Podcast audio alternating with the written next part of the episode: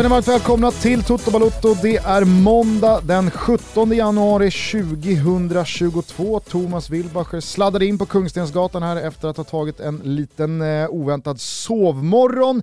Det behöver vi inte fastna i utan jag frågar dig så här. Har du spanat in den ryska Premier League-tabellen? Om du nu tvingas välja har ryska, mitt favoritlag. Tänk, har man ryska så tänker jag bara på Gotland och, och en rysk invasion. Ja men det är det jag menar. Alltså skulle det ske Ja. så tar det väl inte speciellt många dagar innan vi lyder under rysk flagg. Ja men exakt. Och då är väl Rysslands Premier League vår angelägenhet också. Så då undrar jag bara om du har spanat in tabellen och kikat in något lag som eventuellt då blir ditt lag. Ja, men jag har ju alltid tänkt att Ruben Kazan på något sätt är mitt lag. Varför då? Jag hade en polare, Uffe Einarsson, som spelade bandy, bland annat i Bayern eh, men kommer från Vetlanda som eh, gjorde en proffssejour i Kazan. Och eh, han hyllade staden. Han trodde liksom att han skulle komma till Sibirien. Nej men sådär. Och så kommer han, eh, Eh, kommer han dit och det är en modern miljonstad. Och han trivdes ganska bra. Jag eh, har också länge haft någon typ av softspot för Rubin Kazan för att en spelare gjorde en kort sejour där. En anfallare som när han kom fram tog mig med storm. Jag vet inte om du eh, vet vem jag far efter när jag säger att han flyttade från Reggiana till Inter precis i början av 2000-talet. Och eh, ja, det, det, var, det var something else som det brukar heta. Så när man Regi- såg honom här, eh, för första här ska gången. det då sägas att Reggiana inte är Regina utan de kommer från eh, Reggio Emilia och det är efter Bologna Parma den, eh, det, det tredje största laget i, i området. Men de orkade ju inte, eller de, de lyckades inte att överleva stålbadet i början på 2000-talet och framåt. Eh, och sen så kom Mapei, Sassuolo och så ja, Mm. köpte de, det var, vi pratade om det i Toto, de köpte arenan för 50 000 euro eller någonting sånt. Precis, Eh, men eh, för att återgå till den här spelaren då. Ja. Han gjorde absolut inget avtryck på mig i Reggiana. Nej. Utan det var i då den stora randiga klubben han sen kom till som han fick sitt stora break och verkligen ja, men, eh, bara virvlade in Alltså, i eh, nu- mitt nu- medvetande. Jag, jag, jag, nu, Gjorde fem säsonger i Milano innan Ja. han lämnade för Premier League och någonstans efter tiden i Newcastle så började förfallet. Ja, men jag tänker så på, nu, nu är jag helt snett på det, men det första eh, namnet som kom upp i mitt huvud var ju Ventola. Kommer du ihåg han? Ja, ja absolut. Ja, men han lite tidigare tror ja, jag. här, han hade väl eh, gjort betydligt mer innan. Absolut, absolut. Det var inte Reggiana Inter. Men det var, det var ändå ett, en, en gubbe som hade kunnat hamna i Kazan just. Ja, visst. visst. Men eh, den här gubben jag pratar om, han är nigerian. Ehm, Bildade då anfallspar i Inter med bland andra Christian Ja, Vieri, ja, Hernan ja. Crespo. ja, exakt. Men han var där eh, fem säsonger säger du? Varför står du stilla i huvudet? Jag vet inte. Nej, ja, men det gör det. Imorgon, måndag morgon försovit mig. Obba, Jaha, det är ju Olens eh, stora favorit. är det så? Obafemi. Exakt, Obba Femi Martins. Ja. Obba Obba, eller Obba Gol. Nej, eh, D- Daniel Olenklint, eh, ruskig s- eh, soft spot för eh, Oba Oba. Ja. Eh, och eh, finns ju släktskap här va? Som är intressant. Jaså? Han och och eh, eh, Mario Balotelli har väl något slags släktskap? Det har jag faktiskt ingen aning om. Däremot så vet jag att Obafemi Martins delade omklädningsrum med vår gode vän och eh, inrikeskorrespondent Erik Friberg eh, under en tid i Seattle Sounders. Eh, men efter då Inter och Newcastle så gick det lite ut för det blev Wolfsburg och sen då Rubin Kazan mellan 2010 och 2012 med en liten detour i Birmingham, Levante, Seattle och sen så avslutade han karriären i Kina, Shanghai Shenhua. Eh, men Obafemi Martins, ni som kommer ihåg honom, ni minns honom säkert också med värme. Så kanske är då han och Uffe Einarsson anledningarna till att om nu eh, Putin och Ryssland eh, annekterar Gotland och sen kliver in och tar hela stolta Svea rike, att vi käkar på oss varsin Rubin Nej halsduk. men 100 procent. Alltså, alltså med Oba Oba och eh, Uffe Einarsson i Ruben Kazan, självklart. Eh, det är ju så att han har barn och är gift med Abigail Barboa som är Mario Balotellis syrra. Jaha, så att Obafemi Martins är Balotellis Gift. svåger? Exakt. Helt overkligt att man aldrig har uh, Jo, vi har pratat av, av, om det i Toto. Nej, ja, 100%. Då, då, har jag inte lyssnat. Nej, men så kan det ha varit. Men, jag, vi har, vi har men så brukar det inte vara, jag brukar lyssna på, på det du säger. Och Å det här, är, det här är sannerligen någonting jag hade lagt på minnet. Ja, men jag tror att det här var i början eh, och vi har hållit på i sex år. Jo, Mm. Tack. Men ändå. Det här Kanske är ju, till och med var i calciomania. Det här är ju trots allt dynamit. ja. ja. men fan, eh, då så. Då, då, då tar vi varandra i hand och eh, blir stolta Rubin Kazan-supportrar. Ifall Härligt. det här nu slutar med att Ryssland expanderar. Känner med Uffe Einarssons eh, beskrivning av livet i Kazan, känner inte att det behöver bli ett nerköp från Stockholm heller. Flytta dit.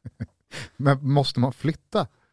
Nej du måste ju inte flytta men om, om det ändå... Så om det här nu slutar med att inrikesflyg om, om Ryssland tar Sverige, ja. då känner du direkt, packa tjejer, vi ska till Kazan. Men jag, tänk, jag, tänker att, eh, jag tänker att eh, det är ett inrikesflyg bort, det är enkelt.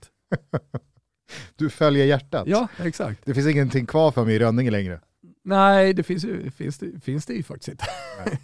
eh, ja, vi får väl se hur det slutar. Jag hoppas och tror såklart inte att eh, det blir eh, någonting mer än vågor på Östersjön och de där ryska ja, stridsskeppen. Det får vi verkligen hoppas. Eh, och eh, alla som nu sitter med en riktig klump i magen och kanske tycker att vi tar lite lättvindigt på det här. Ni, ni, ni, ni får väl helt enkelt alltså. inse att vi skojar ibland. Ja, ni har inte levt på 80-talet kan jag säga. Herregud, när det ryska hotet var på riktigt. Nej, så, Nej. Så, så, så är det säkert. Men hörni, från eh, Rubin Kazan och Obafemi Martins till den fotboll som faktiskt spelats i helgen. Jag har skrivit ett svep här, vill du höra? Trevligt. Kör. Vi slår en kik i backspegeln och konstaterar att det spelats ovanligt lite fotboll senaste dagarna, men det är ju någonting som är off med hela det här tidevarvet, så det är väl bara att försöka gilla läget. Det har varit kuppdagar för de spanska lagen, vissa har spelat boll i Spanien och andra i Saudiarabien, där Real Madrid övertygande och rättvist kunde slå tillbaka Athletic Club i supercupfinalen och lyfta säsongens första buckla. Carlo Ancelotti, en vinnare återigen. Hemma i eh, kungens koppa, Copa del Rey alltså, hämtar vi helgens stora skandalrubrik från El Gran Derby, alltså det mellan Betis och Sevilla. Där en eh, supporter sulade ett järnrör i Johan Jordans huvud och kalabalik uppstod. För jävligt naturligtvis, men eh, det är klart att saker och ting hottades upp av att Julen Lopetegi, Sevilla och Jordans tränare alltså, såg ut att uppmana sin spelare att spela lite extra grogg, lite mer grogg än vad han egentligen var. Allt för att eventuellt få matchen avbruten avbruten och avgjord vid skrivbordet till de rödvitas fördel. Ja, konspiratoriskt lagd är jag. Holmgången återupptogs i alla fall igår igen och eh, Bettis kunde till slut gå segrande ur striden efter avgörande mål från finfina Sergio Canales. I Serie A och Italien spetsade Paolo Dybala till sin kontraktssituation ytterligare genom att göra mål i Juves seger mot Udinese, men inte fira på sedvanligt sätt med tumme och pekfinger under ögonen. Istället kastades en lång blick mot Pavel Nedved och övrig sportslig ledning på läktaren. Var ska detta sluta? Wilbur José reder ut. Genoa sparkade Shevchenko, Lazio slog enkelt Salernitana på Arecchi och Torino tog en tung trea mot Albin Sam på Marassi. Det var lördagen. Igår inledde Antonin Barak målskyttet när Hellas Verona borta slog ett decimerat Sassuolo. Nu räcker det väl för fan med glödheta tjeckiska målskyttar tycker jag. Nani hoppade in och debuterade för Venezia och var inblandad i kvitteringen mot Empoli redan efter en minut. Och Roma kunde till slut få fira en ligaseger igen. Detta efter att man slagit tillbaka Cagliari på Olympico med 1-0. Målskytt? Ja men nyförvärvet Sergio Oliveira från straffpunkten. Kvällen avslutades i Bergamo där vi var många som nog förväntade oss ett målfyrverkeri i stil med höstens möte. Men istället fick vi en förvisso mållös tillställning men likväl jäkligt spännande och sevärd match mellan Atalanta och Inter. I England så fick Anthony Elanga chansen från start när Manchester United såg ut att lösa ännu en seger mot Aston Villa. Tog han den? Ja, om det tvistar de lärda. Det blev hur som helst ingen Victoria för de röda. Steven Gerrard släppte på sin gamla vapendragare Coutinho och på bara några minuter så kunde Aston Villa kvittera 2-2. Men hörni, har vi pratat tillräckligt om Jacob Ramsey? Nej, det har vi inte. Vilken spelare, vilken oerhört fin spelare. Jack Harrison gjorde hattrick när Leeds på ett väldigt imponerande sätt borta slog West Ham i en svängig match. Norwich slog till slut ner sista spiken i Rafa Benites kista och Everton står återigen utan tränare. Wolves slog Soton, Liverpool kunde enkelt avfärda Brentford och Manchester City kopplade definitivt bort Chelsea från titeln, om nu någon fortfarande trodde att Tuchels gäng var med i det racet. Var det lite starten på Kevin De Bruynes säsong vi såg i lördags? Man har ju sagt det förr va, men nog fan borde en stor period under våren i Belgien. Gugge believes. Ska vi också bara kort rapportera om vad fan Darby och Wayne Rooney sysslar med. Mm. En trappa ner i the Championship. Man hade alltså knappt en startelva att ställa på benen när säsongen drog igång sent i somras, men eh, den katastrofala ekonomiska situationen i klubben innebar inte bara en brandskattad trupp, utan även 21 tvåa, etta, minuspoäng att inleda tabellen med och att typ halva klubbens personal fick lämna. Något mer? Ja, äh, men det skulle väl vara då transferembargot man förlades med och således bara kunde lyfta upp egna eh, talanger och signa kontraktslösa spelare. Och trots detta har alltså Darby nu bara 8 poäng upp till säker mark. Man har tagit 13 av de 15 senaste poängen och eh, skulle det nu inte bli så att Wayne Rooney ersätter Rafa Benitez i Everton, han är nämligen en av favoriterna att göra det, så tror jag att Wazaroo mycket väl kan pull off en av de största bedrifterna i engelsk fotboll på den här sidan millennieskiftet. Det är faktiskt på den nivån. Tyskland? Frankrike? Nej, inte den här gången. Ja, men, eh, kan vi ta Derby direkt där? För det finns ju faktiskt en prestation. Ehm, för jag tror att du någonstans också tänker att det är jobbigt mentalt för en spelargrupp, eh, en klubb, att inleda med minus 21 poäng. Det alltså, får man väl anta. Det, det, det är nog inte bara jag som okay, tror att det, är en mental tröskel. Det handlar ju om att överleva och det handlar bara om att överleva. Fiorentina gjorde ju, de fick ju minus typ 16 eller någonting sånt. Inledde säsongen och, tog, och Prandelli tog ju Fiorentina hela vägen till Europa League. Ja. Det är ju en bedrift som är helt sinnessjuk. Absolut. Alltså att inleda med minuspoäng och gå hela vägen. Jag kommer inte ihåg exakt hur många minuspoäng det var, men det var många. Juventus inledde och, väl Serie B-säsongen med minuspoäng också va? Det är möjligt att de gjorde, men det var inte så många, sju typ. Ja, eh, och sen lös, Serie B med Del Piero, Buffon och, och ligan, det är klart att... Eh, Nej, men det är väl en brasklapp kring Fiorentina också at the time. Det var ju ett väldigt bra lag. Alltså, Per Kröldrup, eh, Dario Dainelli, Martin Jörgen, alltså det, var, det, var, det var ingen de stjärntrupp. Nej liksom men de hade väl hävdat sig i Champions League bara... Nej, de, de inledde med det här. Vi började ju, eller så här, eh, eh, de fick ju Champions League fråntaget. De hade gått i Champions ja, League med Luca Toni i, i Verona och han gjorde mål och grejer. Absolut. Men de fick ju aldrig gå dit, de hade aldrig etablerat sig, för de fick ju inleda säsongen när de skulle ha inlett med Champions League med minuspoäng och då tar man sig hela vägen till eh, Europa. Ja, en oerhört stark bedrift, ja. men det, det, det, var ju också ett, ett uppenbarligen bra Fiorentina. Ja. Eh, alltså, i, I Darbys fall jag, jag så är ju 21 poäng, det är en helt bizarr ja. eh, minuskvot att börja med. Det, mm. det, det, ska ju liksom inte gå. Nej. Då, då måste man ta... Framförallt för, man, på grund av att man inte har något lag. Nej men man måste ta 51 poäng mm. för att nå upp till 30 pinnar. Mm. Som inte ens det räcker någonstans. Så det, det, det, Om man tar tur liksom. Nej men precis, och, och det är väl en sak ifall man står med ett lag som är ordentligt slagkraftigt och kanske ett lag för den övre halvan. Här är det ju som jag nämnde, det var ju ett derby som knappt fick ihop en matchtrupp när Championship-säsongen skulle dra igång. Tittar man på laget spelare för spelare, ja, men så är det ju ett lag som ska slåss i botten. Mm. Som absolut är ett lag som kan åka ur. Och ändå så lyckas man parallellt med att klubben hänger mot repen rent ekonomiskt och eh, ödesmässigt ja, men, eh, stå pall ute på plan och vara liksom snåla, tunga, arbeta stenhårt. Det, det är ingen champagnefotboll. Men helvete vad de sliter alltså. Jag har sett några matcher här mot mm. slutet. Mm. Wayne Rooney har ju verkligen satt sin prägel på attityd och karaktär. Hur är han som ledare vid sidlinjen?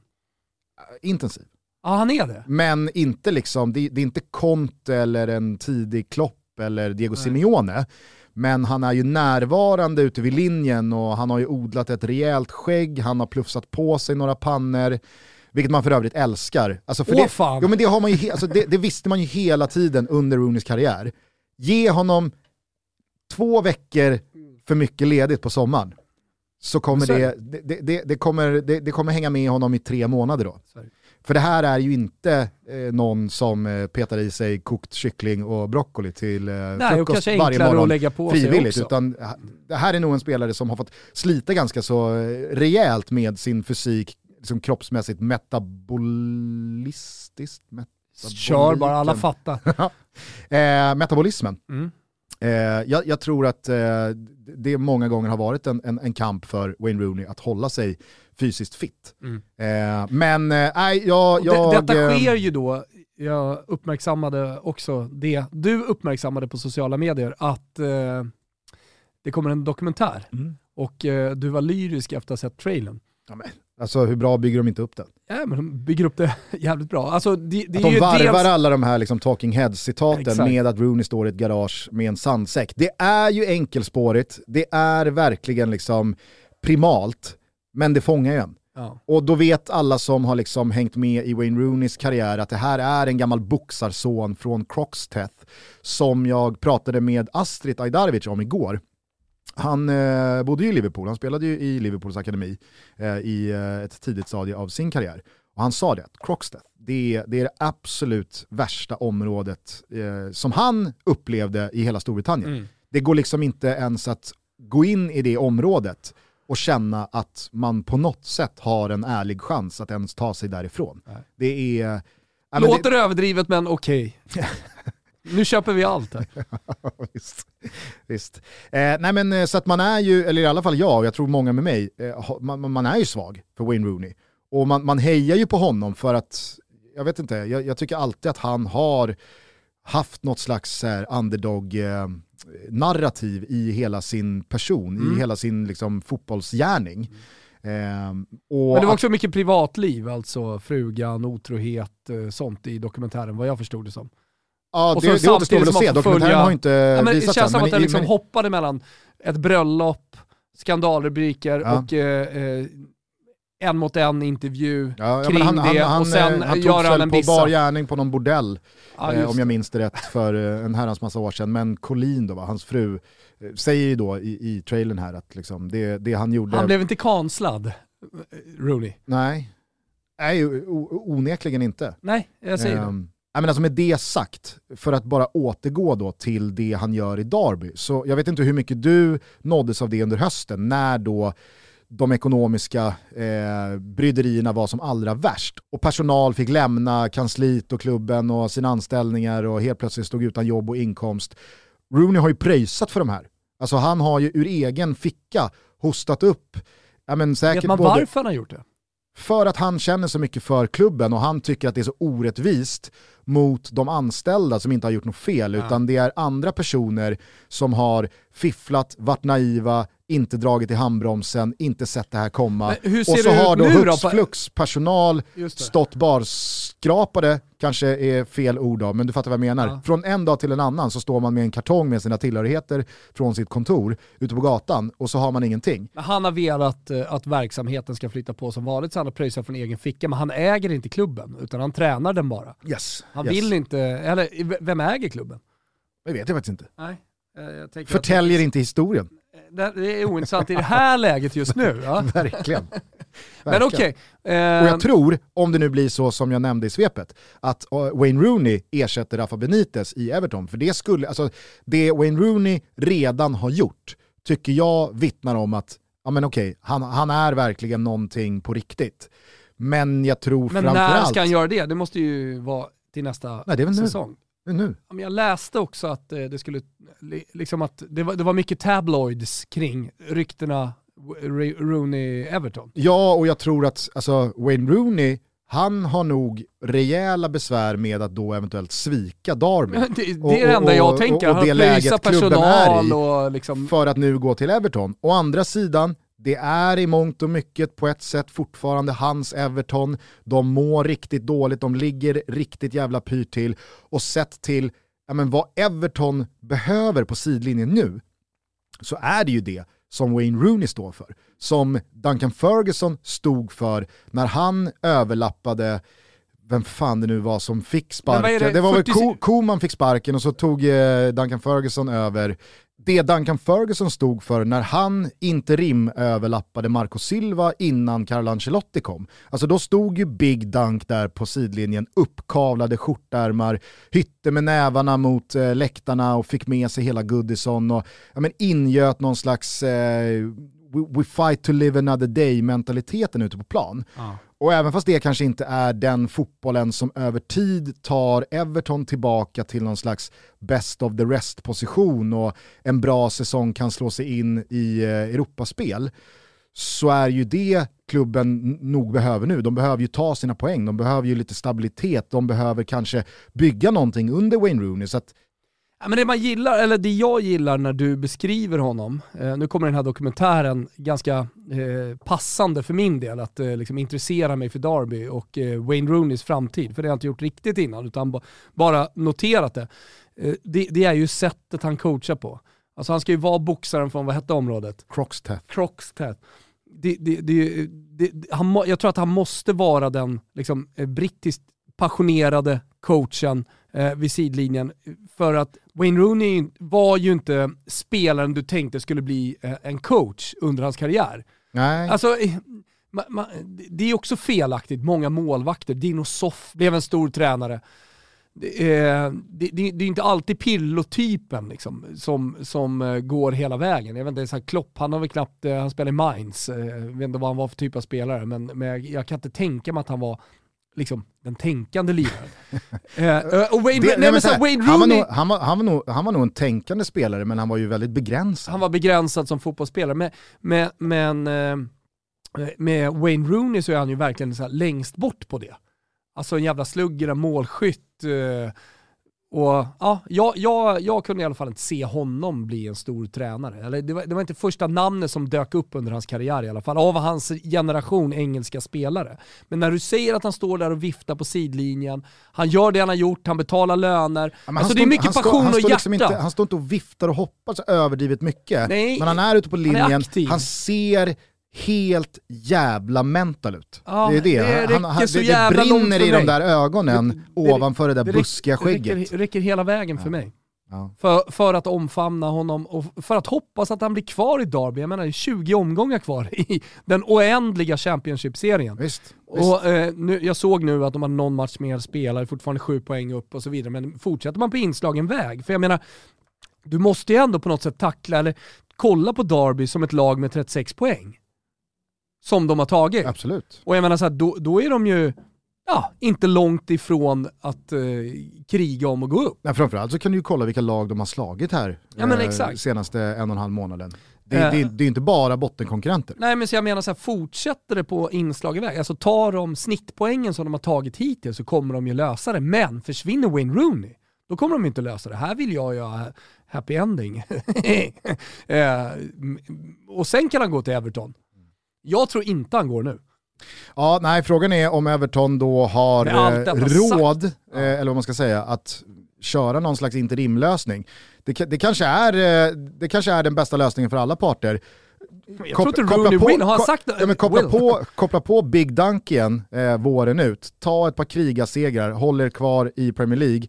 Rooney löser mirakulöst ett nytt kontrakt för Derby Championship. Mm. Men sen så, så, men så, så återvänder han till, till Liverpool. Men jag tror också att han har gjort allt vad han kan göra i Derby. Jag tror inte, jag tror inte han kan uträtta så mycket mer sen, utan det, det är rätt val. Det blir hans trofé någonstans. Sen det är, det ju så, och, och, och, och det här är väl... eh, hans gavetta. Och, och, och det här är ju framförallt en detalj som inte får liksom glömmas bort. Jag tror att det fortfarande är så att Rooney saknar någon eh, licens för att vara eh, huvudtränare i Premier League. Det löser de. Eh, men uppenbarligen så har ju Duncan Ferguson den, eftersom han kunde stå där för eh, ett och ett halvt år sedan, så kan man, det det borde rimligtvis då Mm. gå att Duncan Ferguson uppfyller licenskravet, men Wayne Rooney står på sidlinjen.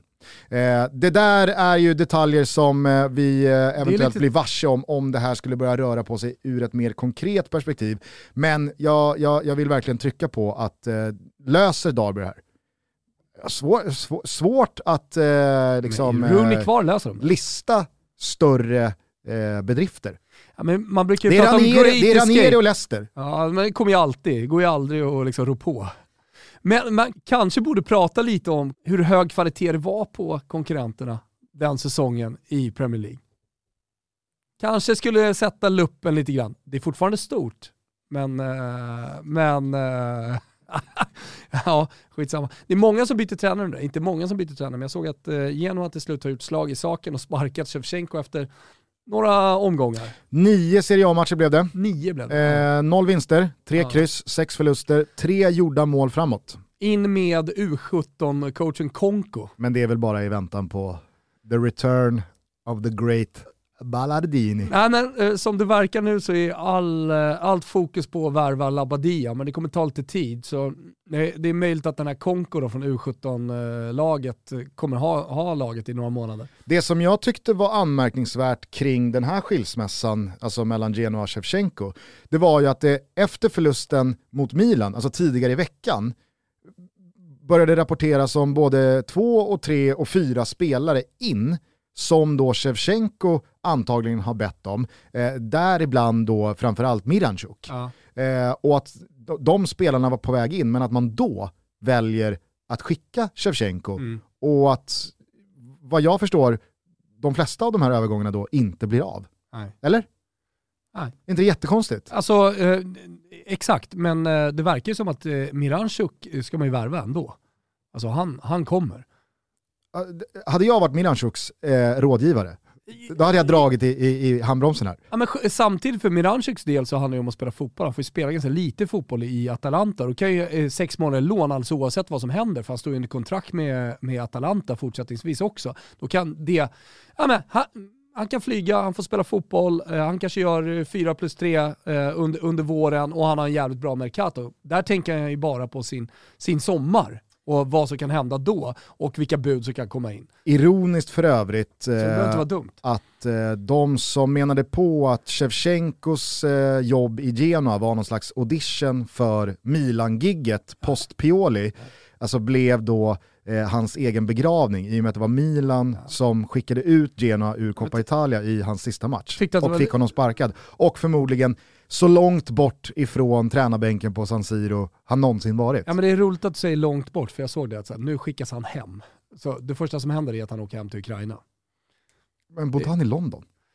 Alltså, som jag läste skulle han Han tillbaka har, väl aldrig, till han, väl, Ukraina. han har väl aldrig bott i, äh, ja, någon gång han har ju varit, bott eh, han i han har, Ukraina. han har varit... eh, Men sen han blev Shevchenko, sen han lämnade eh, Dynamo Kiev, så jag har läste, jag han, läste han pratar väl han inte Ukraina. språket och så bor han i London. Det var väl liksom, eh, Okej. det, det, det fanns väl ett konstant motstånd mot honom från eh, ukrainskt håll eh, under hans tid som förbundskapten. Okej. Just av dessa det, anledningar. Ja, då, då vet du mer än mig. Jag läste, jag läste bara, det kanske var bildligt också, att eh, så här, nu, nu åker han hem till Ukraina. Eller så har italienarna inte koll på att han läge bor för i övrigt London. också och, och vända hem till Nej, Det är Ukraina. London känner man ju hela vägen nu när du säger det. Klart han inte kommer tillbaka. Nej. Nej. Ja, nej, det, det, var, det var oerhört väntat skulle jag i alla fall säga, att det slutade så här. Eh, men blir det Bruno Labbadia så får man ju ändå krypa till korset och säga att man hade fel. Jag tror fortfarande på Ballardini. Mm. Min hashtag Ballardini tillbaka innan mars lever i allra högsta grad skulle jag säga. Bruno Labbadia till se. trots. Se vad Konko kan göra. Du, eh, jag sa ju i svepet att du skulle reda ut eh, Paolo Dybala-gate här. Mm. Eh, vi pratade om Juventus eh, mycket i senaste avsnittet, att eh, det börjar bli ganska så många pusselbitar som inte sitter ihop med varandra. De sportsliga resultaten uteblir, man har eh, nyckelspelare på fel sida eh, 30-strecket och man har ju dessutom då en, en ekonomi som inte gör mig övertygad om att det bara är att välja och vraka bland eh, den eh, översta hyllan och bygga ihop ett slagkraftigt lag igen. Paolo Dybala, deras eh, lagkapten och allra mest kvalitativa spelare, tycker jag, när han är skadefri, sitter på utgående kontrakt och det verkar ju vara förhandlingar som har brakat samman. Ja, men framförallt så blev de uppskjutna. Det, här, det här skulle förnyas, skulle bara förnyas i september-oktober. Och sen valde Juventus någonstans i, i slutet av hösten när eh, det redan hade blivit utdraget att eh, meddela att det här, det här skjuter vi fram till februari-mars. Och eh, då blir ju hela Dybala eh, entouraget arga. Och på det har väl de också menat att det, det kommer ske med en löneminskning. Ja, exakt. Det är visserligen rapporter men, mm, alltså, vad det gäller lönen, eh, men, jag tror inte Juventus har råd liksom, att, eh, att erbjuda det som Dybala vill ha. Men det, jag skulle kunna gå tillbaka till den här matchen på Friends Arena mot Atletico Madrid när Dybala kom in, när det var väldigt mycket flyttrykten på honom och att man inte skulle förlänga. Och, Tottenham. Ja, mycket Spurs ja, precis. Eh, det, alltså det, det, har ju, det har ju varit frostigt tidigare. Alltså det, det, det har dragits verkligen till sin spets innan Eh, Dybala omfamnar, eller innan man har kommit överens ska jag säga, eh, mellan eh, team Dybala och Juventus. Och nu är man där igen och jag undrar bara, jag är dels tveksam med hur, hur den sportsliga ledningen i Juventus liksom mår och hur de sköter sina business. Eh, jag vet inte vad de ska göra här i januari, får inga tydliga liksom, Eh, signaler på att man vill stärka det där laget, man har idéer att stärka det där laget samtidigt som jag ser på andra klubbar andra stora klubbar som verkar ha idéer. Eh, det, det, är en, det är en svår tid, det är svårt att i januari stärka, oavsett om man tycker att Juventus eh, eller Milan eller vilken klubb det nu är, är liksom usla i förhållande till vad de har varit. Eh, i, i förhållande till sin historia. Att man inte kan värva riktigt de stora spelarna. Men med idéer så kan man i alla fall hitta lösningar för stunden. Simon Kjär borta länge, man behöver en mittback i Milan. Det gick inte med den, det gick inte med den, men man kommer lösa någonting som ändå kommer funka hyfsat bra. Där ser jag inte riktigt Juventus vara på tå. Eh, och sen så då Gol Sen, Senza Gioia. Eh, han är ju eh, La Gioia i Italien, glädje och det är liksom masken och alltihopa. När han gör mål och nu, nu vart det mål med arg blick. Visserligen förnekat efter, jag sökte en eh, kompis sa ju Dybala eh, mm. i intervjuer. Trodde man inte riktigt på. Nej. Eh, och... Det såg inte ut att vara någon glad upprymd blick mot någon polare på läktaren direkt. Nej, det, liksom, det var inte, sur det, på polaren. Det var inte Albin Ekdals... Du trodde inte att jag skulle göra mål, så nu gjorde jag mål. Det var inte Albin Ekdals minspel på San Siro när han gjorde hattrick för eh, Cagliari och Nej. Eh, hade både flickvän och polare på plats. Han hade åkt halva Bromma över och, och hälsat på. Det var, det var häftigt. Men eh, det, det, här, det, det kommer vara några heta månader. Och jag tror inte att Juventus behöver det. De behöver inte några heta månader med Dybala som inte är nöjd, med liksom missnöjda firanden, med alltså en Dybala senza gioia, det vill man utan glädje, det vill man inte ha. Det har man inte råd med tror jag heller. Men eh, alltså, även fast Juventus ur ett större perspektiv fortfarande är Juventus i mångt och mycket och det är på väldigt många eh, sätt så att Juventus fortfarande har alla förutsättningar i världen att komma tillbaka till att dominera den italienska inhemska fotbollen såklart. Eh, Inter är Tror förvisso... ändå någonting är satt, att det är så här, det, så som de dominerade mm. den italienska fotbollen i ett decennium, det kommer de inte göra. Nej, absolut, men de har ju inte blivit eh, Parma över en natt. Nej nej, eh, herregud. Alltså, alltså, det jag menar är bara, även fast Inter är regerande mästare och nyblivna supercupmästare och det laget som uppenbarligen mår väldigt eh, mycket bättre än Juventus för tillfället, både som, som fotbollslag men också som klubb. Eh, nu kanske inte Inter mår kanon ekonomiskt heller, men du fattar vad jag menar. Ja. Vilket signalvärde skulle det ändå skicka till dig ifall Inter i det här läget syr ihop Dybala och jo, tar honom från mycket, Juventus. Du säger ju det här, det är inte, det är inte bara taget ur luften utan det är Beppe Marotta spelare som han tog till Juventus och Beppe Marotta är nu i Inter. Så eh, jag menar, italienarna har ju dragit den här Eh, parallellen länge såklart. Eh, och, men, ja, det, det, det, är enormt. Alltså, det hade ju varit eh, ja, men så här, bisarrt. Du, du sa ju alldeles nyss här att det är deras mest kvalitativa spelare, men symboliskt så är han ju enormt viktig. Och det ska också sägas, han är väldigt omtyckt av supportrarna. Alltså inte bara på Friends Arena där han drog hem de största jublen. Utan eh, eh, alltså, han, han, han är enormt omtyckt. Han är ju juvelen. Han är definitivt juvelen. Så nej, nu tror inte jag det kommer hända. Jag tror inte de kan tillåta sig själv Dybala i det här läget heller, Juventus. Allt, nu går ju allt att lösa såklart. Ekonomi i stora fotbollsklubbar kommer man ju aldrig bli klok på. Det är bankgarantier och det ena och fjärde och fonder och så vidare. Men, så det, det, det, även om det skulle gå att lösa så, så Alltså en, en flytt mellan Derby d'Italia-lagen, mellan två stora rivaler, Beppe Marotta är där som har varit i Juventus och så vidare. Alltså det hade ju varit, äh, men, inte, inte århundradets värvning liksom, men, men eh, det, det hade ju varit en sån jävla fjäder i hatten för Beppe Marotta. Ja, det är ett powerplay Som fick av Guds lämna, nåde. Ja, det, ja nej, det, det går knappt att ta in ska jag säga. ja, nej, jag, jag håller med, för att det, det skulle ju bli, för mig i alla fall, den, den eh, liksom yttersta eh, symbolen ja. för maktskiftet. Mm. Vi är ju sponsrade av ekonomiappen Anyfin och jag vet inte hur väl ni känner till dem, men i grunden så vill ju Anyfin bidra till en bättre ekonomisk hälsa. Vad är nu det undrar ni? Jo, i deras app så har de en massa olika funktioner som ger en översikt kan man säga över hur du spenderar dina pengar. Det låter väl bra sådär långt. Vad innebär det lite mer konkret? Say hello to a new era of mental health care. Cerebral is here to help you achieve your mental wellness goals with professional therapy and medication management support. 100% online.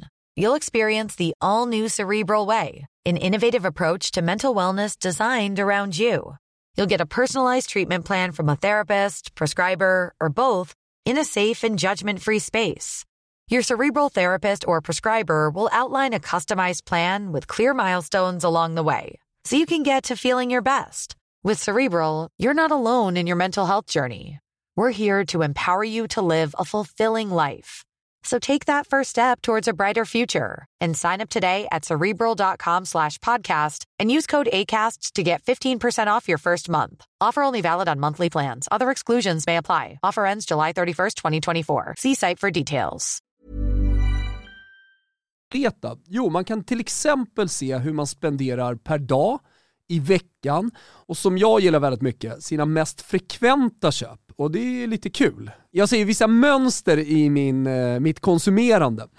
Så eh, du kanske inser, som jag har gjort, att man lägger lite för mycket pengar på snus eller vad vet jag, någon annan på kaffe eller onödiga prylar. Och som ni kanske vet också, om man vill sänka sina kostnader på befintliga delbetalningar, kreditkortsfakturer eller privatlån, man har köpt någonting dyrt på kredit och så har man en hög ränta. Ja, vad kan man göra då? Jo, man kan skicka in en ansökan till Anyfin, helt kostnadsfritt såklart, och se om Anyfin kan sänka just din ränta.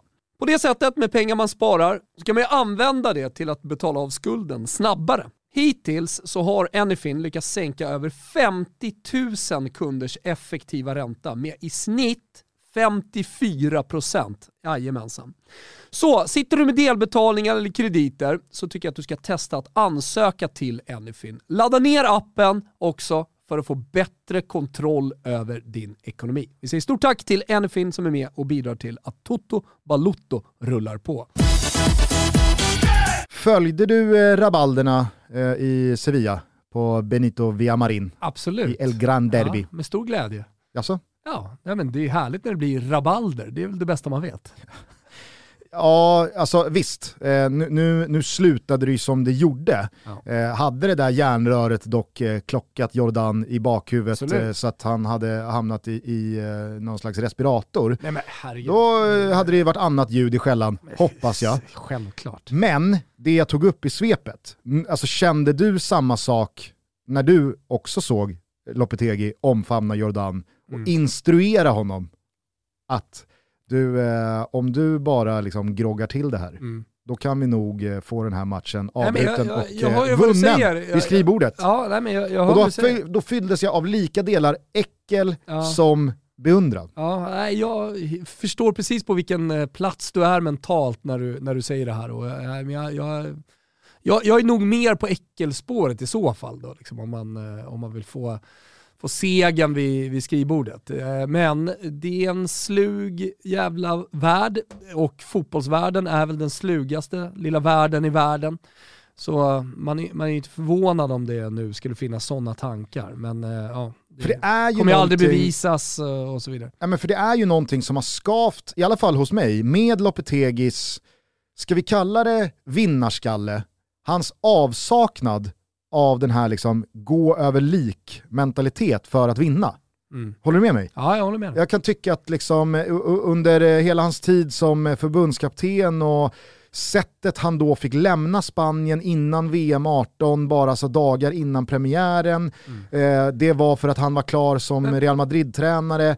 Han får det liksom inte att flyga i Real Madrid post Zidane, han får sparken, han får lämna med svansen mellan benen. Man känner sig så här, Lopetegi, han har inte han har inte vad som krävs för att stå emot när det blåser snålt. Nej. Han, han käkas upp av eh, de, de större och styggare vargarna.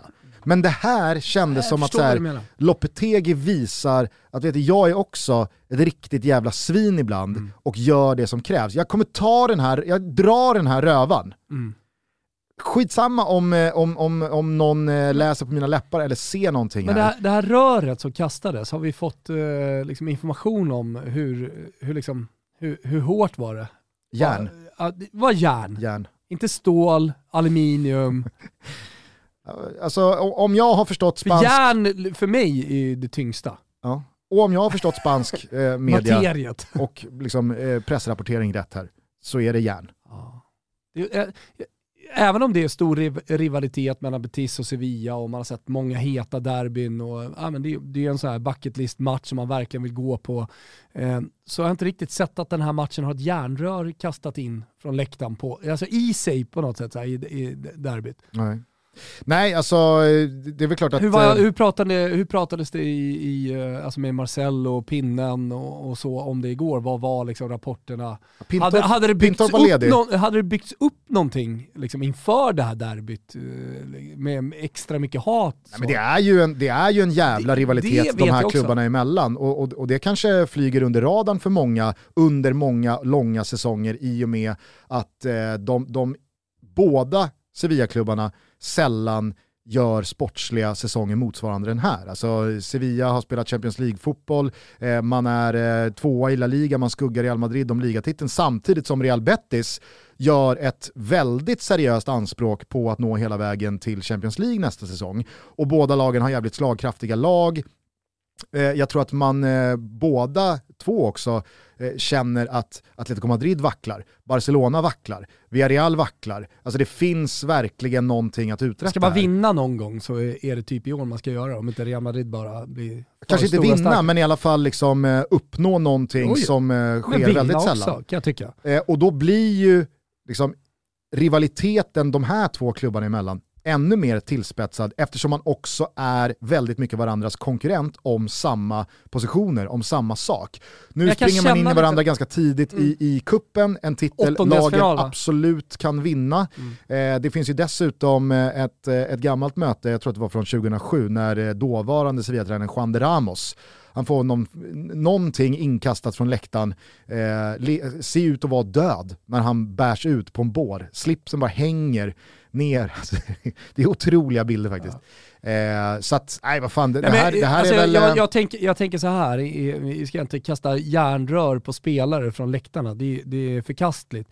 Eh, men, jag- men jag känner på något sätt eh, någon slags Sebastian Andersson, eh, ehm, ja men någonting när du pratar om Sebastian Andersson, att han behöver en skandal, han behöver skalla någon, han behöver göra någonting på planen. Eh, han behöver så- ertappas med en Glock i handskfacket. Exakt, han behöver ertappas med en Glock i handskfacket. Handskfacket. Vad är det här för någonting? Eh, det kan jag känna lite med spansk fotboll också. Den lite snälla spanska fotbollen. Att de, de, de kanske behöver en skandal för att få lite ögon på sig och för att det ska bli lite snack runt. Och nu vet vi att det är ingen fara med spelaren. Nej, nej, absolut. Nej, exakt. Han, han mår ju bra. Då, då kanske all PR är bra PR vad det, gäller, vad det gäller den spanska fotbollen i just det här fallet. jag tror på något sätt när det här har lagt sig så kommer i alla fall min slutgiltiga bild av Lopetegi ha förändrats till det positiva. Ja, Just ja. för att han, vis han, han visade det som jag ibland har ställt mig frågande kring, kring honom. Den här, ja, men som vi pratade om kring Wayne Rooney, Ja. desperationen att vinna. Den, där, där, där tror jag du liksom eh, slår huvudet på spiken. Desperationen att vinna. Det är någonting som måste finnas hos alla tränare och hos alla spelare och det är nog därför Såg man ju inte en frame av hos Shevchenko till exempel Exakt. på ingen, tränarbänk. nej, men han sa ju också efter första matchen att det här laget är redo för Serie B. Det är så jävla dåligt. Ja. Alltså, det var inte Wayne Rooney som stod där och, och betalade löner till kanslister. Och, eh, ja men, nu gör vi allt.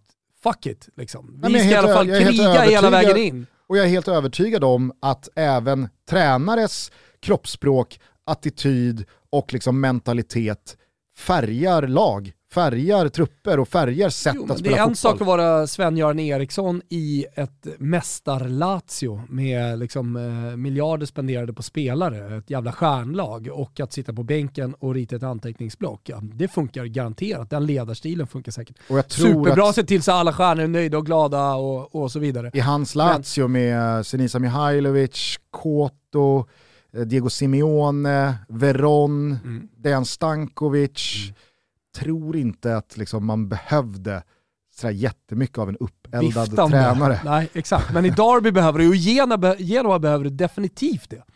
Ja, nej, verkligen. verkligen. Eh, såg du eh, Aston Villa mot eh, Manchester United? Jajamensan. Man får väl eh, säga att man eh, var lite snett på det eh, i sin skepsis kring Coutinho. Mm. Fan vad pigg han såg ut. Ja, han ser jättepigg ut. Eh, också en spelare, blir aldrig gammal. vet du vad han också är? Nej. Han är en sån där spelare som är större i verkligheten än vad man tänker att han är. Man ja. tänker på Coutinho som ganska liten. Ja. Han är inte så liten. Nej är verkligen inte så liten. Nej. Sen är det en spelare också som har en aura på planen som ser större ut på planen än vad han också är. Så det blir ju liksom dubbel effekt. Alltså dels att man tänker att han är liten, dels att han ser större ut än vad han är. Sen eh, tycker jag verkligen, eh, ni som inte har sett Aston Villa så jättemycket mot slutet, att ni borde knäppa på någon match eller två. Ja. Dels för att se vad Steven Gerrard har gjort med det här laget, dels att se ja, men ett jävligt namnstarkt eh, och eh, profiltätt lag. Nu är det ju inte bara Coutinho, utan det är ju Danny Ings och det är Lucas Ding, ny från Everton och det är eh, landslagsspelare från eh, en rad olika nationaliteter. Buendia tycker jag också är en jävla bra spelare, men som jag sa i svepet, Jacob Ramsey, fan vilken bra spelare alltså. Ja. Inte riktigt eh, tagit mig till honom eh, under hans eh, korta karriär hittills. Men eh, jag, jag, gammal är han? 01 tror jag. Ja. Jag börjar bli riktigt såld på honom alltså. Mm. Så jävla bra. Men eh, det var ju andra laget här som eh, den riktigt intressanta rubriken för oss svenskar skedde i och med att Anthony Elanga fick chansen från start. Jag var ju lite eh, å ena sidan och andra sidan i, i mitt omdöme i, i svepet här. Tog han chansen? En, en, rad spelare, framförallt i Manchester United, menar det. Bruno Fernandes, eh, Victor Nilsson Lindelöf och så vidare. De pratade ju om Elangas insats efteråt som riktigt, riktigt bra. Han förtjänar den här chansen och jag tycker han tog den. Å andra sidan ser man till det som faktiskt skedde på plan. Jag tycker han, han jobbar ju något kopiöst i defensiven. Mm. Där ser man ju verkligen att det, det är inte någon spelare som som kommer glassa sig till eh, ett nytt kontrakt eller en stor karriär. Utan han är beredd Juni att... ska göra kan man tycka också. Ja, och när jag, när jag såg eh, den här insatsen framförallt och de här defensiva löpningarna så blir man ju ruskigt peppad på att se när väl Janne väljer att involvera honom i landslaget. För den arbetskapacitet som då Elanga, Isak och Kulusevski och Viktor Claesson sitter inne på. Alltså det är ju en, eh, det, det, det är en första press som kan eh, skrämma livet ur många tror jag. Mm. Eh, så det ska bli jävligt intressant. Problemet är att då måste Peter Forsberg, höll jag på att säga, då måste Emil Forsberg, ja, stöka till skallen totalt, Emil Forsberg eh, ryka. Ja, men eh, alltså, jag nämner ju de här fyra spelarna. Om eh, fem år så är de Ja, eller så behöver de behöver inte spela samtidigt. Nej. Utan förstå och kunna... Fast liksom, om fem år, hur gammal är Foppa då? Jo men fatta och kunna tömma Viktor Claesson på allt han har, mm. 57 minuter. Byta ut honom mot Anthony Elanga. Mm. In och blås ur kroppen Claesson allt vad du har. 92 va? Ja, han är väl något år äldre va? Ja, okay eller var han med i U21-EM? Ja men det är, det är det jag menar. Han är ju 92, han var ju med där. Nej, han var inte med. Nej, det var ju det som var grejen. Sig. Ja, fan. Så var det ju. Victor, eh, eh, Emil Kraft och Viktor Victor Claesson var inte med. Just det. Och det var ju då Vigge kom in. Exakt. Ja. Inte, på grund, inte på grund av Viktor Claesson men... Nej, på grund av eh, Emil Kraft, ja. skada. Som för övrigt eh, satt Kvist här då, i och med att Kieran Trippier spelade högerback. Men det, det såg du säkert. Det såg jag. Nej, men eh, det, det jag då i alla fall bara kliar mig lite i huvudet kring Anthony Langa, det är ju att han får, han, alltså, han är ju främst på plan i sin position för att göra skillnad i offensiv riktning. Mm. Jag tycker att han missar någon pass, han tar något felbeslut för mycket och han får ju faktiskt ett jätteläge att göra mål, missar mål. Mm. Och jag vet inte, i det läget Manchester United är, kan man titta på en sån där insats och tycka att glaset är halvfullt? Tror du Ralf Rangnick tänker, bra, Alltså Härligt. jag tror, jag Bra, tror så här, det som snurrar i Ralf Rangnicks huvud, det, det vet ingen. Alltså, jag, jag kan det, nog det tänka mig att han, Martial, du har hängt med i Martial-situationen. Absolut. Ja, vi kan ta den alldeles strax, Ja, nej, men det, det, det, det är liksom sant eller falskt. Vem är det som ljuger här? För det är uppenbart någon som ljuger. Ja. Eh, eh, vi kommer dit. Men, men eh, det, det är helt omöjligt att veta hur Ralf tänker. Alltså han kan mycket väl tänka att det där var precis den prestationen jag vill ha. Samtidigt som det är väldigt lätt att utifrån stå, stå och titta på Manchester United och, tänk, alltså, och inte tänka någonting annat än de behöver bara poäng, de behöver bara vinna matcher. Sätt ut det bästa laget, det här är på högsta nivån. kan inte hålla på att spela in eh, en, en juni som missar mål. Nej. Alltså så här, det, det, jag tror nog att Manchester United-supporterna skiter fullständigt i vem, alltså så här, långsiktigt, ja men det är bra, då kommer Elanga in i det här. Utan de vill bara ta tre poäng nu. Men jag är inte så säker på att Ralf Rangnick tänker så.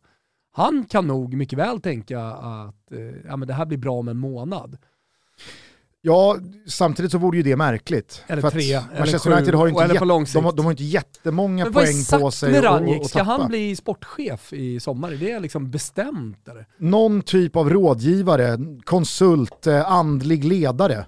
Alltså, så så har jag förstått eh, liksom planen för Ranjiks framtid i klubben Och tror man på det? post-juni. Alltså så här, jag menar inte tro på det om det är sant eller falskt, utan så här, tror man på honom som i den rollen, i någon roll i Manchester United? Jag vet inte. Hasse Backe har ju lanserat teorin i och med att Ranjik har lyft in Jesse Marsh tidigare assisterande till sig själv.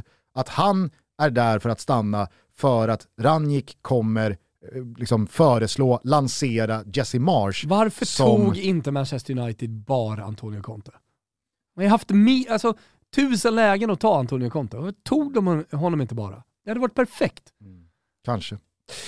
Eh, det vi i alla fall kan konstatera det är att Marcus Rashford är helt ur slag. Eh, Jadon Sancho får det verkligen inte att flyga. Mason Greenwood är ju eh, i, i mitt tycke fortfarande liksom, av allra högsta snitt vad gäller potential och en spelare att satsa på. Men han har inte heller fått till eh, poängproduktionen här mot slutet när han har fått spela. Cristiano Ronaldo, orkar han För att spela? lika gammal som Elanga. Ja. Alltså Elanga ändå, fyller ändå 21 i år. Nej men absolut. Alltså, läge att spela fotboll. Jag menar bara med Ronaldo som kanske ska eh, sparas lite här nu framåt eh, Champions League, han har haft sina bekymmer med sjukdomar här. Edinson Cavani, inte heller eh, en spelare tror jag för 90 minuter. Framförallt så vet man inte, match alltså, vad är det bästa anfallet som Manchester United kan ställa upp med?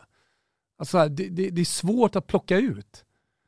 Ja, alltså, jag tycker, Ronaldo jag, ska ju såklart vara ja, där. Och jag tycker verkligen att det finns plats för Edinson Cavani, hur man än Ja. vrider och vänder på. Ronaldo, Cavani, ja men då går man ju bort ifrån eh, Elanga, Greenwood, det unga. Sen har du Rashford där. Ja. Så, alltså, det är så jävla konstigt, konstigt byggt. Man får väl spela någon typ av 4-4-2. Alltså, Jo, då, då, då, då kan du ha Mason Greenwood till höger och du kan ha den offensiva eh, spelare som, som du tycker är bäst för dagen till vänster och så får man väl spela Ronaldo och eh, Cavani längst fram. Men det, det, det, det lär väl Så inte ske sådär händer med- jättemånga gånger. Det jag i alla fall ville landa i med det, det var ju att jag tror och jag hoppas att Anthony Langa fortsätter eh, få sina chanser, få sin speltid. Men jag tycker ju att eh, det, det, är, det är lite för snällt att titta på den där insatsen och börja dela ut kanonbetyg till Anthony Lange. Ja, det var många som ville. Mm. Han vart ju hy- hyllad. Eh, men eh, Martial Gate då, lite Ja. kort. Eh, många har säkert eh, följt de här turerna senaste tiden från eh, silly eh, rapporteringarna Martial vill bort. Eh, Ralf Rangnick fick ju frågan här efter matchen mot eh, Aston Villa varför han bara hade åtta spelare på bänken och han eh, var väldigt tydlig när han då sa att nej men Martial ville inte vara med i matchtruppen. Eh, så då eh, var han inte det. Och det här är ju såklart, eh, ja, men det, det, det, det, det är så oprofessionellt det bara kan vara ifall det är på det viset. Men det här bemöts ju från Martials håll med att han då eh, svarar i sina sociala mediekanaler att han skulle aldrig eh, vägra att ingå i en matchtrupp, han skulle aldrig disrespect the club eller eh, dess supportrar och det här är bara hittepå. Och som du då säger, det är ju väldigt lätt att förstå då att minst en part ljuger. Och jag tänker, hur gärna man än vill tro på Martial, Mm att Ranjik kan inte ljuga om det här. Alltså det är, han, inte ens Ranjik, som jag förvisso många gånger har benämnt som fotbollsvärldens allra tyngsta pondus. Eh, det, det, är så högt spel att sänka en spelare på det sättet, om det nu inte stämmer, att jag kan inte ens tänka mig att, eh, att eh, Ranjik kan göra det. Nej, nej men alltså inte ens Ranjik, jag vet inte, är, är han en... Eh, Eh, vem är han? Alltså jag har så jävla svårt att ta till mig, nej men du, jag har följt Ralf Ranjik på distans och, och alltihopa så här. Är han, en, är han en tränare som sänker spelare? Jag menar, har han det i sig? Jag, jag är så svårt att ta till med honom. Han är väl liksom passiv aggressivitet liksom ah, jo, på två absolut, ben. Absolut. Han har ju den lugnaste hårtork i hela fotbollsvärlden. Absolut. En hårtork som märker människor för livet, tror jag. Ja. Men, men, om man nu ska vara någon slags eh, rådgivare, han ska ingå i, i någon slags sportslig ledning, för jag menar, så han måste ändå komma in med sin kompetens och utnyttja den i Manchester United. Eh, vad säger det då om hans eh, förmåga och vad säger de om honom om han nu ska ta över i sommar, om han står och ljuger nu här? Alltså är du med på vad jag menar? Ja, men, och, alltså, så här, du, du, jag, jag tycker att det blir problematiskt, Exakt. även på lång sikt, ja. vad det gäller Ranjik. Dels det, men Och sen... hur han sköter, eller så här, alldeles oavsett vem som ljuger och vad som händer, eh, så blir det problematiskt hur hela den här soppan är skött när han är så nära spelaren. Exakt. Och han inte får dem att vara nöjd. Alltså, det... Och jag undrar dessutom, vad får man ut av att säga att det ligger till på det här sättet om det inte ligger till på det här sättet som man inte hade kunnat få ut ja, genom att sköta det snyggare. Jag menar, vad det än handlar om så hade ju sanningen varit bättre för Exakt. både Ranjik och Manchester United Exakt. i det här läget. Exakt. Om det nu är så att det inte ligger till på det här viset. Det är inte en lögn som man ser uppsidan i. Nej. Alltså jag förstår. Alltså, det är inte som Lopetegis rövare han drar med Jordan. Nej. Man tänker instinktivt, det här är inte bra. Det här är äckligt. Det här är emot allt vad, vad fotbollen ska vara. Men sen så ser man ändå, ja, jag förstår ändå vad det här är sprunget ur. Men är det så att Ranjik ljuger om det här, då, då, då fattar jag inte vad man vill ha ut av den situationen.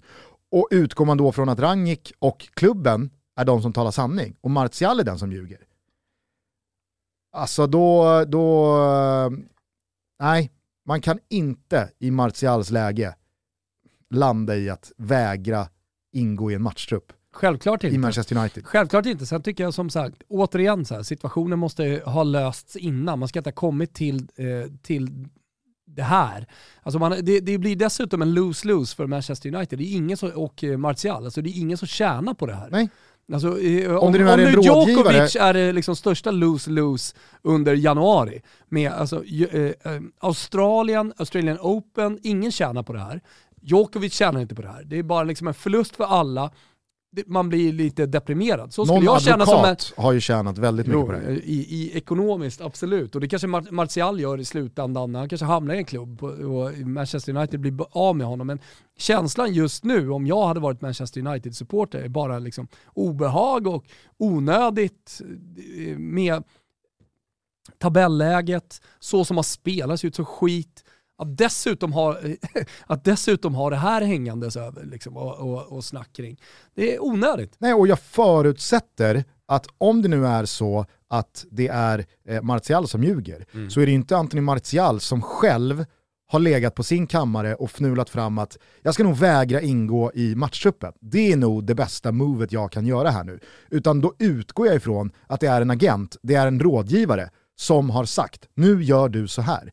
För är det någonting man har förstått under de senaste 5-6 åren när fotbollsvärlden och i synnerhet transfermarknaden mer och mer har snurrat åt agenternas riktning, att det är de som bestämmer, både gentemot spelare men också gentemot klubbar, så är det att de har väldigt stor kontroll och inverkan ja. på hur spelare ska agera. Exakt. För att komma bort, för att bli såld, för att få en förlängning, vad det nu kan vara. Kolla Håland nu. Verkligen, men jag fattar inte Vlahovic, alla. att en agent eller en rådgivare, eller vad man nu vill sätta för etikett på den rollen, kan landa i att ens klient ska vägra ingå i en matchtrupp och att det kan få bli till det bättre. Mm. Blir det här till det bättre för Martial och det visar sig att det var Martial som ljög, alltså då vill jag spy. Alltså då vill jag spy. Ja, men det kan ju också finnas nyanser i det där. Att eh, det, det är någon slags bråk. Eh, eh, Ranjik säger, gör du det där, då är du inte med i truppen. Och så gör han det, typ eh, dyker upp tio minuter sent. Då kan ju han säga att nej, men han vill ju uppenbarligen inte vara med. För jag hade ju sagt till honom, kommer du sent eh, eh, så, så är du inte med i matchtruppen. Jag menar, då är, det, då är det ingen lögn av Ranjik. Men det är fortfarande inte kanske så här, nej, det är- jag, hej inte- jag vägrar. Det är inte en fullskalig Majstorovic. Nej det är det inte. Det, det är inte fullskalig. Och Men då det, pratar vi om när Daniel Majstorovic eh, helt enkelt sket i att dy- dyka upp till eh, eh, AIKs matchsamling inför Mjällby var det va? ja. 2013 vill jag minnas. Mm. Och, eh, Jag menar Levicka hade ändå sagt till två Mutumba- veckor innan att det var giftermål på gång. Exakt. Martin Mutumba valde väl att dagen efter på Karlberg när pressuppbådet var enormt och eh, det, det skulle redas ut vad fan som skulle bli av Majstorovics framtid i AIK att eh, bränna av ett smatterband om jag inte eh, missminner mig. Ja, Så när alla eh, journalister stod där och väntade på ett uttalande från eh, AIK-håll, då dök Martin Mutumba upp på parkeringen och, och brände av lite smällare. Otroligt. Det var faktiskt jävligt roligt. Ja. Eh, men eh, du nämnde det ju bara kort och det kan vi Ja. väl också göra. Eh, Håland här. Ja, men det, det är många så här Anmärkningsvärt agent... att han går ut och alltså, så, här, så tydligt går emot sin arbetsgivare och sin klubb och, och kanske inte liksom kritiserar dem men i alla fall ger dem någon form av vinge här. Nej, men nu har du ju några heta Klubben börjar sätta jävla massa press Ja. på mig. Ja, jag vill bara spela fotboll. Men, men du har ju några heta situationer. Martial som vi precis pratade om, du har Vlahovic, du har eh, La Gioia, Dybala, du har Haaland. Mbappé, han, han, nu, nu är det lite lugnt kring Mbappé, men han har ju liksom varit tydlig. Du har väl Dembélé i Barca. Dembélé i Barca. Som Xavi gick ut och pratade om att han känner sig förrådd ja, av. Ja. Alltså det, det, det, är mycket, det är mycket styrt av rådgivare just nu. Hela fotbollsvärlden liksom står på ett jävla bäverbo. Eh, och, och man vet inte vad de är. Alltså det är stora spelare menar jag bara, där, där det finns någon slags polemik. Och ganska mycket polemik också. Dybala, spänt läge. Vlahovic, superspänt läge. Martial, ja uppenbarligen, vem, vem ljuger? Vem, vem, vem, har, vem har rätt och vem har fel? Svaret från Dortmund på Haalands norska intervju, på något sätt fräscht att han gör den där på norska också med en norsk reporter, eh, var ju liksom att ja, nej, vi kommer köra på här. Vi vill ha ett svar nu. Ja, ja. Alltså de backar ju inte, typ. Alltså de gullar ju inte med Haaland här. Nej, och jag, jag, jag tyckte det också var ganska tydligt att Haaland trodde att, att jag eh, liksom bara fokuserar på att spela fotboll för Borussia Dortmund och inte prata om någonting annat. Det gör jag av respekt för klubben och det kommer uppskattas av klubben. Men att han känner sig lite liksom, inte förd bakom ljuset, men förstår du? Alltså, han, det verkar inte alls vara på någon ömsesidig nivå av att fan vad bra du har hanterat det här Erling, vad, vad, vad, vad glada vi är. Nej. Utan nu är det liksom, ja, men nu, nu, sätter, eh, nu, nu sätter Borussia Dortmund pressen på Haaland. Samtidigt som man är smart, han säger jag vill bara spela fotboll, jag vill spela för supportrarna. Alltså, det, det, Ja, det, förmodligen så är väl liksom så här, det, det, är väl bara Mino Raiolas liksom, manus det tror jag nog. som Haaland återger. Det tror jag nog. Det, det enda vi kan veta är att det, det kommer sluta på allra bästa Ja, sätt. alla agenters våta, våta dröm är ju att ha en superspelare, eller det spelar ingen roll. Deras, deras våta dröm är ett, att ett kontrakt går ut. Så att de eh, kan tjäna ännu mer pengar vid en övergång. Alltså det enda de vill. Riv våra kontrakt, de vill vara kontraktslöst och så kan de ta större signing bonus, eh, större lön som agenterna får procent på och så vidare. och så vidare. Men problemet nu är, alltså så här, Det är ju snack om Laovic nu att han ska spela ut sitt kontrakt till och med. Alltså det, det, det är uppbollat, nu tror inte jag det kommer hända, men, men ändå. det hade varit ett dåligt move. Va- Alltså, det, det, han, framförallt så kommer han inte få spela då. Nej. Och det hade varit ett fint move. Ah, nej men eh, nu, nu var ju Fiorentinas president som är världens 356 rikaste man. Är det eh, sant? Ute i, Är han i så pressen. rik? Ute i Financial Times. Det var ju liksom första sida i deras magasin med, med lång intervju med honom där han liksom sänker hela den italienska byråkratin, säkert med all rätt. Men, men nu har han ju skaffat sig... Jo, jag, jag säger så här. Han har rätt, men problemet är att han får ta konsekvenserna. Fiorentina får ju konsekvenserna nu av ett, eh, eh, ett eh, Italien som är sura på honom. Och det, det vill du inte. Alltså, du blir ju bortjagad i slutändan han, jag tror han sa att Stadio Artemio Franchi var den fulaste arenan eh, eh, som han har varit på. Och det är ju i Italien sett, liksom i historiskt perspektiv, som någon slags, alltså dels är det K-märkt eh, och dels så är det ett arkitektoniskt mästerverk, lite såhär, byggt på 30-talet. Men det är, väl som någon, det är väl som någon skulle ta heder och ära av Stockholms stadion? Ja men exakt, exakt. Du kan tycka att det är fult men du säger det inte. För att det här, så, det var fint då. Ja, men det måste man ju faktiskt också liksom, någonstans kunna ta in. Du kan tycka att det är fult men hej, det byggdes på 30-talet. Det var, var häftigt då med, med tornet och klocktornet i, i, på ja, stadion. Ja, och där ligger väl Florens, hans nordamerikanska arv honom i fatet också. Ja, även om det, arvet är ju italienskt. Men han vill ju hela tiden få det till att, hej, här kommer jag tillbaka till Italien, utvandrad 11 år gammal med min fattiga mamma och ger någonting tillbaka till Italien. Glömmer bort patriot, alltså, det, det, det, det lokalpatriotiska Italien, att det är ingen som bryr sig om Florens. Alltså, det är ingen som känner att du ger någonting tillbaka till Italien här. Eh, ah, skitsamma, vi ska, vi ska inte prata om Comisso, men det är spänt läge i alla fall. Ja, och för att sy ihop säcken med eh, Dybala så vore det ju intressant att se ifall Comisso gör en Samparini och plomberar Vlahovic i vår för att kunna sälja honom så dyrt som möjligt i juni och inte riskera någon korsbandsskada. som då Palermos tidigare president Samparini gjorde med Dybala när han skulle säljas till Juventus. Han fick inte spela sista tre månaderna. Nej, han får inte gå sönder. Superskarvad såklart det är tre månader, men låt, låt, låt säga att det var Sex så. veckor.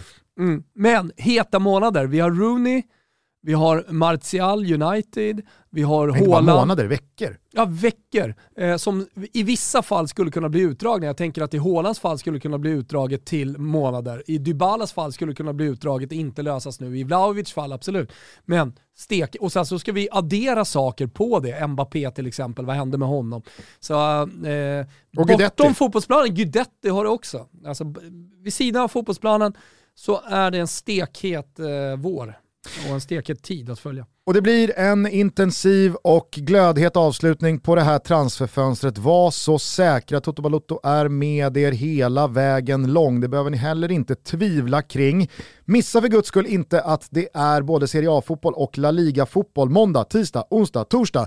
Så att om ni inte har ett simor abonnemang skaffa det. Ja, alltså jag vet inte om måndag går för Midweek, men det är i alla fall tre Serie A-matcher redan ikväll, däribland eh, Milan mot Spezia. Det finns finfina matcher utöver det också. Bologna mot Napoli. Kristoffer Svaneman rapporterade här på förmiddagen på Kungstensgatan att eh, Piotr Zielinski, han fick sitt covid-svar eh, negativt, men efter att Napoli hade lämnat för Bologna. Så att han sitter i detta nu eh, på en egen liten resa upp mot eh, köttfärssåsstaden eh, för att ingå i matchtruppen för att han får nu spela. Okay. Och så spelar väl Fiorentina va? Jajamensan. Eh, så det blir en ruskigt fin eh, Serie A-kväll ikväll måndag och sen så är det La Liga-fotboll eh, i dagarna tre efter detta. Så att har ni inte ett simon abonnemang skaffa det. Det är utöver ligafotboll från Spanien och Italien premiär för en ny Beck-film på fredag. Mm. Champions League drar igång om mindre än en månad igen med åttondelsfinalspel.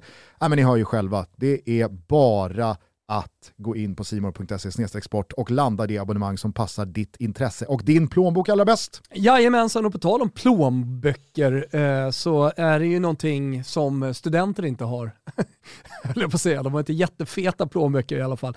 Och då är det ju fint att det är Ski Week för studenter i Åre. Och denna startar nu i veckan faktiskt. Och eh, till alla studenter då som befinner sig i Åre Pallar, pallar er ner till Åre torg, då kan ni både få testa Rail Jam och få gratis Celsius, bara en sån sak. Testa nya Kiwi Lime, limited edition, supergod.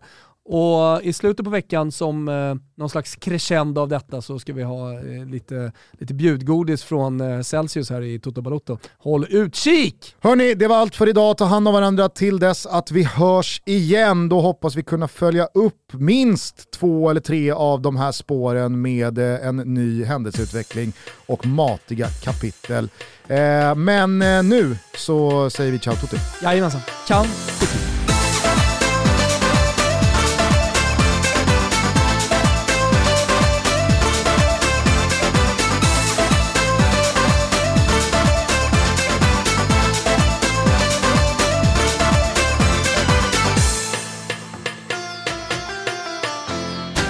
tutti. σε μπλέκα μαλλιά σου. Πόσο με πληγώνει η ματιά σου. Λες πως αποφασίσες να φύγεις. Θες το παρελθόν να αποφύγεις. Όμως στάσου, λίγος στάσου Γύρνα πίσω και μην κοιτάς μπροστά σου. Στάσου, λίγος στάσου Θέλω κάτι να σου πω κι ύστερα γεια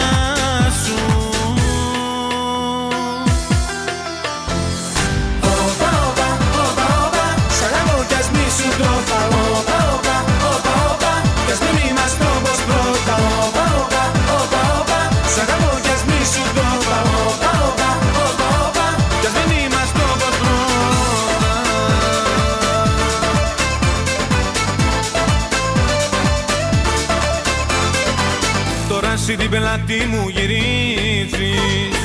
Να φύγεις είναι εύκολο νομίζεις. Το στραβό το δρόμο πήρες πάλι. Που δεν ξέρεις δεν θα βγάλει. Γι' αυτό στάσου, λίγο στάσου. Γύρνα πίσω και μην κοιτάς μπροστά σου. Στάσου, λίγο στάσου. Θέλω κάτι να σου πω κι ύστερα για